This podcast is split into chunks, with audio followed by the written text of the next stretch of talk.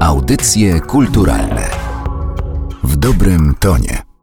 Kiedy w 1968 roku Żydzi wyjeżdżali z Polski bez prawa powrotu, zabierali ze sobą zdjęcia.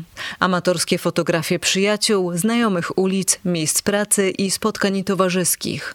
Po latach Leszek Kantor złożył zdjęcia emigrantów w album rodzinne. Znalazły się one na wystawie o tym tytule, prezentowanej od 22 lutego w warszawskiej galerii Kordegarda. Za każdą z tych fotografii kryje się inna historia. Kilka z nich opowiada opowiadamy w audycjach kulturalnych.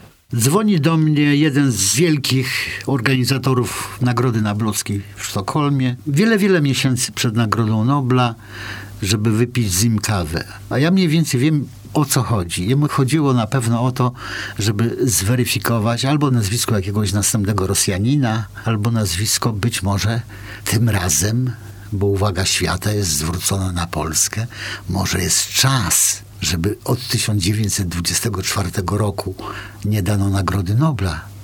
Być może jakiś polski pisarz. Przyjeżdżam, on mi się najpierw pyta, co słychać, bo my się trochę znamy, a potem mnie pyta, wiesz, ja mówię, no ale co? No wiesz co, wszyscy coś robią dla Polski. My byśmy też chcieli, bo już dawno nie było Nagrody Nobla. Jeden z naszych wielkich członków Akademii Noblowskiej był w Warszawie, ale oni są tak skłóceni, że nie chcieli nam dać żadnego jakiegoś nazwiska.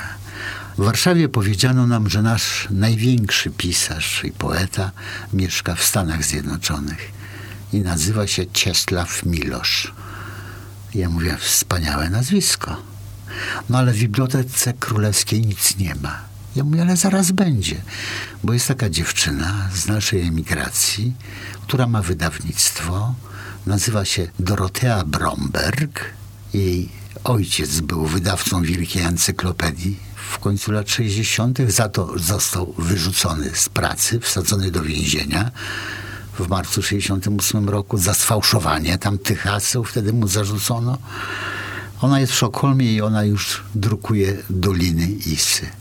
Już jest prawie gotowa. Czyli jedną książkę będziesz miał. No ale poza tym w czasopiśmie chyba Artes już jest dziewięć wierszy przetłumaczonych, pierwszych Miłosza na szwedzki. Mhm, fajnie, ale wiesz, chciałbym cię zapytać, no wiesz, Polak, jednak, no nie znamy go za bardzo, a jak z tym antysemityzmem? Ja mówię, a dlaczego pytasz? On mówi, wiesz co, bo parę lat temu myśmy dali nagrodę Pablo Nerudzie z Chile, a potem się okazało, że ten wielki poeta, któremu się ta nagroda należała, ale jednak porównał w jednym wierszu Stalina do słońca. Myśmy z tego powodu mieli wielkie nieprzyjemności i chcielibyśmy ich uniknąć. Ja mówię, nie martw się o antysemityzm Czesława Miłosza. On pomagał Żydom razem z bratem. Przemycali z Wilna do Warszawy, żeby schować rodzinę żydowską, która cała zginęła w getcie. Ale jedna dziewczyna, która się uratowała, pamiętała i z Izraela napisała list. I Miłosz ma tytuł Sprawiedliwy wśród narodów świata, razem z bratem, dziennikarzem, też pisarzem Andrzejem. Poza tym napisał wiersz Campo di Fiori. Wiersz ten został napisany wtedy, kiedy paliło się getto. W tym czasie w Warszawie z ulicy zabierano nawet matki z małymi dziećmi do suki gestapowskiej czy policyjnej, żeby je wywieźć do obozu, a dziecko na zniemczenie. Jeśli w tym czasie taki wysoki facet, który ma 1,85 m, idzie po Warszawie, żeby zobaczyć tą kręcącą się karuzelę, żeby potem napisać wiersz, to zapomnij o tym, że ten facet może mieć jakąkolwiek awersję do narodu żydowskiego. Wypiliśmy już pół flaszki whisky z jego synem. W pewnym momencie dzwoni telefon, Miłosz podchodzi do telefonu i mówi: Ja po panią zjadę zaraz. I przyprowadza panią Sarę. Ona małym kroczkiem, bo już staruszka, chodzi z trudnością, mówi do niego: Ja pana zaraz pójdę coś powiedzieć, co się stało z Haneczkę. Pani Sara, pielęgniarka z Wilna. Jej koleżanką była Haneczka, w której miłość się kochał, dziewczynka żydowska. To była jego dziewczyna, która zginęła. Prawdopodobnie Miłosz nie wiedział w jakich okolicznościach. Obrazek Haneczki pojawia się w poezji bardzo dyskretnie. Prawdopodobnie specjaliści od Miłosza, z którymi rozmawiałem, nawet takiego imienia nie wymieniał, ale jest obraz znikającej postaci młodej dziewczyny żydowskiej, która jest y, wyrazem jego takiego bólu. Często u Miłosza jest przecież taka refleksja bolesna. Przeżywał bardzo wszystko, co się działo na świecie. Bardziej go interesował ten świat niż być może jakieś takie pojęcia walki, patriotyzmu, niż uczucia ludzkie, prawda, myśli ludzkie. On wbija się prosto w tą Sarę, ja widzę, że już po prostu nie możemy kontynuować rozmowy. Jutro się zobaczymy już na uroczystościach nablowskich. Pani Sara prosi mnie o to, żeby zrobić kilka zdjęć. Po wyjeździe Miłosza dzwonię do pani Sary, żeby dać jej te zdjęcia i pytam się, pani Saro, Grand Hotel w Sztokholmie jest otoczony policją. Nikt tam nie może wejść do czasu odebrania Nagrody Noblowskiej. Potem proszę bardzo, z kimkolwiek się chce spotykać laureat Nagrody Literackiej może, ale nie przedtem. Nawet jego brat, który jest z Warszawy, pan Andrzej, przyjechał do Sztokholmu, jeszcze go nie widział. Ten czas jego jest do dyspozycji tylko Akademii Noblowskiej, Szwedzkiej Akademii. A ona mówi, ja zadzwoniłam, panie Leszku, z budki telefonicznej. Można było dzwonić i ta budka wcale nie była tak blisko pod hotelem. On przyszedł po mnie do tej budki i mnie przyprowadził. Na tych zdjęciach jest to, co Kordegarda nazwała bardzo pięknie według mnie album rodzinny. To są zdjęcia, które ja postanowiłem zebrać. Zebrało się 220 zdjęć. Jakie zdjęcia mi ludzie przysłali? Te najdroższe to jedno, te dwa z tych pięćdziesięciu, stu, każdy wywozi zdjęcia, opuszczając kraj, krajobraz swojego dzieciństwa. Ten krajobraz, te szkoły, te spółdzielnie pracy, te ulice zostały na zdjęciach.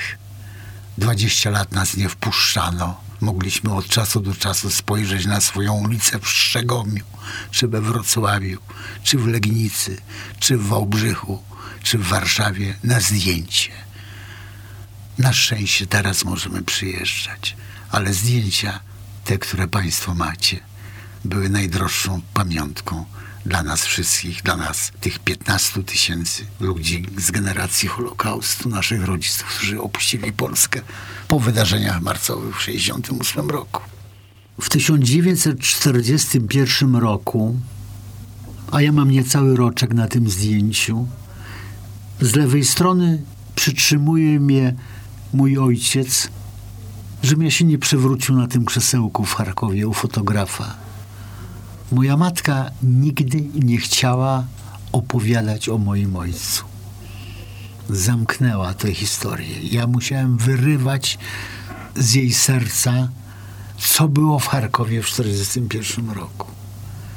Dopiero kiedy już miałem dwadzieścia parę lat, kiedyś płacząc, stojąc przy oknie w tym miasteczku w Szczegomiu, 56 kilometrów od Wrocławia, opowiedziała mi, że kiedy Niemcy byli 7 kilometrów od miasta, ona wyskoczyła z takiego biura obrony cywilnej miasta, gdzie była sekretarką. Zdążyła wskoczyć do domu, złapałam cię na ręce i wskoczyłam do ostatniego wagonu, ostatniego transportu ewakuacyjnego z Charkowa na Syberię, na Ural takich transportów odeszło tam bardzo dużo. Wywożono broń, ludzi, jakieś traktory, żeby zbudować fabrykę czołgów, bo w Charkowie była wielka fabryka traktorów, więc wywożono sprzęt, żeby z tymi maszynami budować czołgi potem rosyjskie. W 1941 roku mojego ojca już nie było. Na Ural, tam do tego Jekaterynburga przyszło zawiadomienie, że zginął w obronie ojczyzny.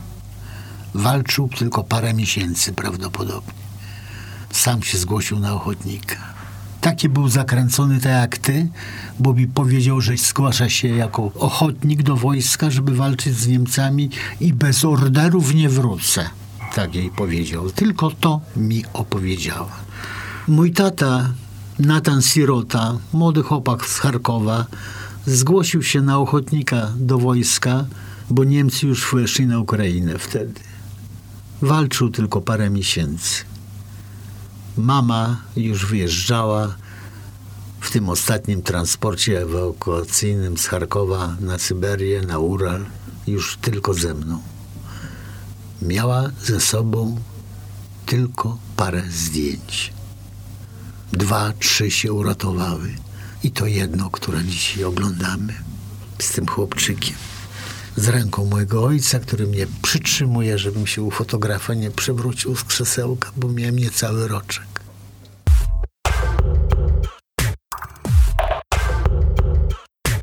Materiał przygotowała Magdalena Miszewska. Audycje kulturalne w dobrym tonie.